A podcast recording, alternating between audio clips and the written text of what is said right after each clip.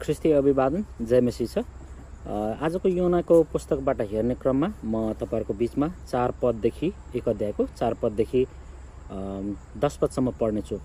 तब परम प्रभुले समुद्रमा एउटा ठुलो बतास चलाउनु भयो र यस्तो प्रचण्ड आँधी चल्यो कि त्यसले जहाजलाई नष्ट गर्ला जस्तै भयो। सबै नाविकहरू डराए र प्रत्येकले आफ्नो देवताको पुकारा गर्यो अनि तिनीहरूले जहाज हलुङ्गो बनाउनलाई व्यापारका मालहरू समुद्रमा फाले। तर योना चाहिँ जहाजको तल्लो तहमा गएका थिए र त्यहाँ तिनी भुसुक निदाए। जहाजका कप्तान तिनी कहाँ आएर भने कसरी सुत्न सकेको? उठेर तिम्रा परमेश्वरलाई पुकार। सायद उहाँले हाम्रो ख्याल राख्नुहुनेछ र हामी नष्ट हुने छैनौँ। तर नाविकहरूले आपसमा भन्न लागे आओ यस आपत्तिको जिम्मेवार को रहेछ? सो जानलाई हामी चिठा हालौँ। तिनीहरूले चिठा हाले र चिठा योनाको नाउँमा पर्यो।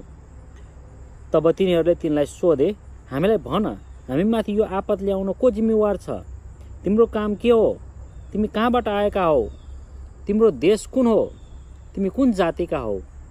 तिनले जवाफ दिएर भने म एक हिब्रू हुँ अनि म स्वर्गका परमेश्वरको आराधना गर्दछु जसले समुद्र र जमिन बनाउनु भयो। यस कुराले तिनीहरू डराए र तिनलाई सोधे तिमीले के गरेका छौ? यसअघि नै यो कुरा बताएका हुनाले तिनी परमप्रभुको सामान्यबाट भागेका रहेछन् भन्ने तिनीहरूलाई थाहा थियो। यो परमप्रभुको वचन हो। हिजो हामीले योना अ, निनब्बे नगरिकन तार्सिसमा पाएको कुरालाई हामीले हेऱ्यौँ छलफल गऱ्यौँ र अहिले हामी यहाँ चार पददेखि दस पदसम्म हेर्दा अब निनब्बेमा ऊ भाग्ने क्रममा के भएको छ भन्ने हामी घटनाक्रमलाई हामी हेर्न सक्दछौँ। जस्तै निनब्बेमा ऊ भाग्दै गर्दा जहाजमा भाग्दै गर्दा त्यहाँ परमेश्वरले ठुलो आँधी पठाउनु भयो समुद्री आँधी जस कारणले उनीहरूको यात्रामा केही दखल पुगेको। अवरोध आएको हामी भेटाउँदछौँ। र त्यस्तो क्रममा पनि जब नाविकहरू अब जहाज नै डुब्ला कि भनेर डरले उनीहरू आफ्नो देवी देवताहरू पुकारा गर्दै गर्दा र सब जहाजमा भएका सरसामग्रीहरू हलुङ्गो बनाउनलाई फ्याँकिँदै गर्दा यो न तल्लो तल्लामा डेकमा गएर मजाले निदाइराखेको यहाँ बाइबलले योनाको पुस्तकले बताउँदछ। अझ भन्दछ कि योना चाहिँ गहिरो निन्द्रामा थियो। सम्भवतः ऊ भावनात्मक रूपमा पनि जुन जिम्मेवारी उसले पाएको छ त्यत्रो ठुलो जिम्मेवारीको कारणले गर्दा त्यो भावनात्मक बोझ थपेर पनि ऊ थाकेको हुनुपर्छ। अथवा शारीरिक रूपमा पनि ऊ त्यत्रो माइल हिँडेर ऊ त्यस त्यसरी भागेको छ। अनि त्यत्रो पर ऊ त्यसरी हिँडेर जाँदा ऊ शारीरिक रूपमा पनि थकानमा परेर गहिरो निन्द्रामा परेको हुनसक्दछ र अर्को कुरा चाहिँ बाल मतलब भन्ने हिसाबले पनि त्यसरी सुतेको उसलाई निन्द्रा लागेको हुनसक्छ तर ऊ जहाँ जुनसुकै अवस्थामा जाँदा पनि परमप्रभुले उसलाई एक नासैले पछ्याउनु भयो। उसलाई भाग्नलाई सजिलो थिएन। त्यहाँ ठुलो आँधी परमप्रभुले ल्याएर त्यहाँ बाँड्दा सुरुमा उहाँले त्यहाँ अडचन उहाँले निकाल्नु भएको छ। र जसै क्रममा चाहिँ नाविकहरूले कसो हो के हो कुन कहाँबाट यस्तो आँधी आयो भनेर चाहिँ किन भन्दा त्यति बेलाको बेल समयमा सबै कुरा देवी देवतामा उनीहरूले मानिसहरूले विश्वास गर्दथे ओ फलानु देवताले यसो गरेको होला फलानु देवताले यसो गरेको होला भनेर।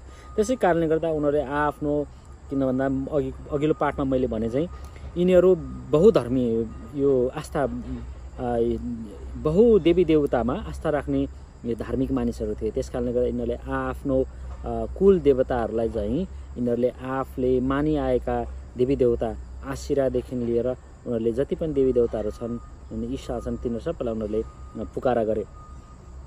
र त्यस्तो क्रममा पनि केही पानीको बहाव कम नभए पछाडि उनीहरूले योनालाई खोजेर योनालाई उनीहरूले जुन सोधे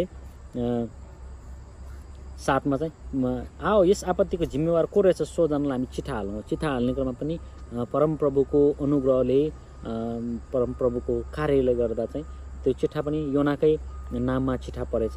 तब तिनीहरूले सोधे आठ पदमा विशेष गरिकन आठ पदमा उनीहरूले सिरिज अफ क्वेसन्स एउटा क्रमिक रूपमा प्रश्नहरू गरे कि हामीलाई भन हामीमाथि यो आपद ल्याउन को जिम्मेवार छ?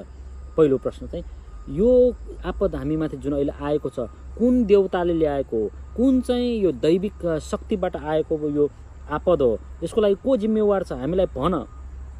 अनि त्यस पछाडि दोस्रो प्रश्नमा चाहिँ तिम्रो काम के हो? के हो तिम्रो पेसा चाहिँ के हो? हामीलाई तिम्रो पेसामा भन। अनि अर्को तेस्रोमा चाहिँ तिमी कहाँबाट आएको? कुन भेगबाट? कुन प्र प्रान्तबाट तिमी आएको मानिस हो? अनि चौथोमा चाहिँ तिम्रो देश कुन हो? तिमी कुन नागरिक तिम्रो नागरिकता के हो? तिमी आदि कार्यक्रममा कुन देशको तिमी प्रजा हो तिमी? अनि पाँचमा चाहिँ तिमी कुन जातिका मान्छे हौ तिमी? तिम्रो वर्ण के हो तिमी? यसरी पहिलोमा को जिम्मेवार छन्? दोस्रोमा पेसा। तेस्रोमा भूभाग इलाका चौथोमा देश अथवा नागरिकता छ भने पाँचौँमा तिम्रो वर्ण के हो? तिम्रो जाति के हो भनेर सोधेकोमा यहाँ योनाले जवाफ दिने क्रममा योनाले उल्टो क्रममा जवाफ दिन्छ।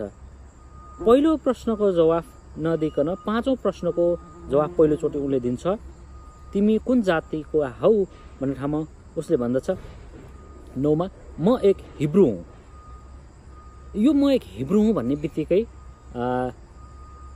हिब्रू सम्बन्धी यहुदी सम्बन्धी कुनै पनि पहिला केही कुरा सुनेको मानिसलाई स्पष्ट हुन्छ कि उसले दिएको पाँचौँ जुन पाँचौँ प्रश्नको पहिलो जवाफ दिँदा नै कि ऊ एकजना सत्य परमेश्वर ऊ चुनिएको जाति हो उसले चाहिँ साँचो परमेश्वर त्यति बेला चाहिँ त्यो इलाकामा त्यो मध्य पूर्वमा भएका अरू कुनै पनि धार्मिक आस्था राख्ने मानिसहरूभन्दा यिनीहरू बेग्लै यिनीहरू भिन्दै यिनीहरू अचम्म किसिमका मानिसहरू भन्ने कुरालाई चाहिँ उल उनीहरूले बुझ्न सक्थे। त्यस कारणले गर्दा भने म एकजना हिब्रो हुँ अनि म जो चाहिँ स्वर्गका परमेश्वरको आराधना गर्दछु जस्तै समुद्र र जमिन दुवै बनाउनु भयो जसले समुद्र र जमिन दुवै बनाउनु भयो। भनाइको तात्पर्य उसले चाहिँ यो समुद्र भनेको पानी जुन छाल छ त्यो भनेको त्यति बेलाका मानिसहरूका निम्ति चाहे त्यो हिब्रोहरूका लागि होस् अथवा चाहे चाहिँ मध्यपूर्वमा बस्ने त्यति बेलाका कुनै पनि शासक कुनै पनि प्रजातिका मानिसहरूका लागि होस् समुद्र भन्ने बित्तिकै त्यसले अन्धकार त्यसले खलबलाहट त्यसले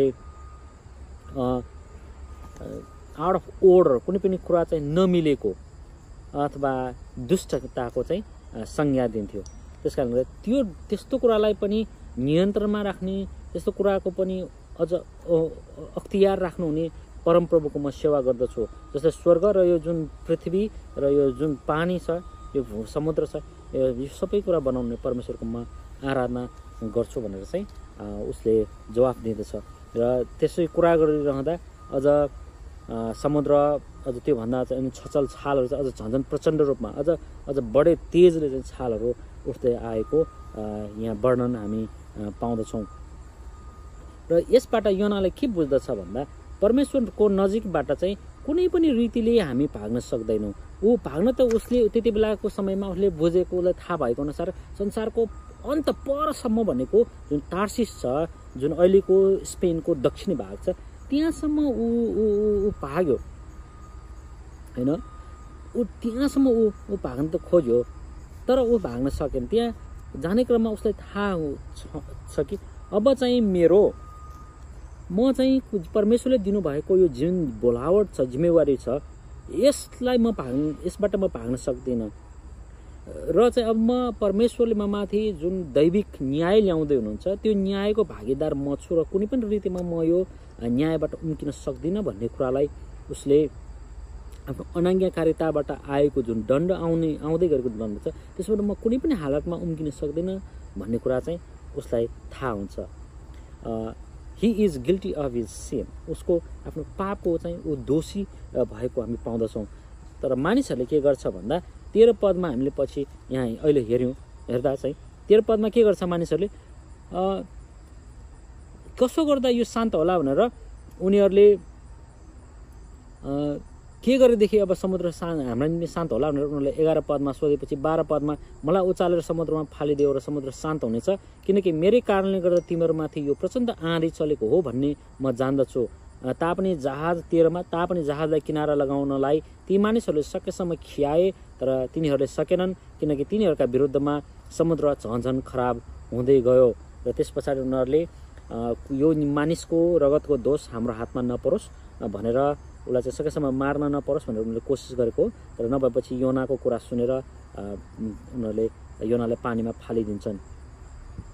यसबाट एउटा दुइटा बुँदा म तपाईँहरूको बिचमा आज राख्न चाहन्छु कि परमेश्वरले हामी जुनैसुकै ठाउँमा हामी जाउन् हामीलाई उहाँले पछ्याउनुहुन्छ।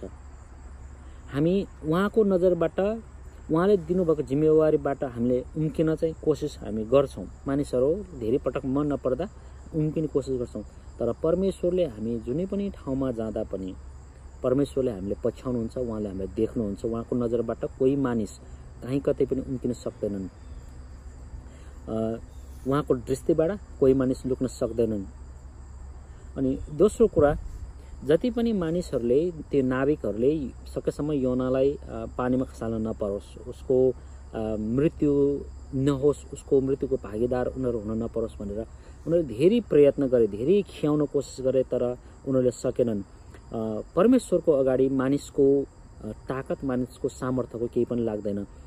Man's efforts cannot measure the strength of God यो कुरालाई हामी याद गर्नुपर्छ। मेन्स एफर्ट हाम्रो एफर्टले uh, cannot measure up. No matter how much we do, our efforts cannot measure up to the strength of the God, strength of God. So there is no match against Yahweh. So we have to consider this, uh, this, this, this biblical fact that um, when God has called us, He has called us with purpose. Even before He has called us, the book of Ephesians again says that God has made us in His own image, in His own, for His own purpose, with His own will.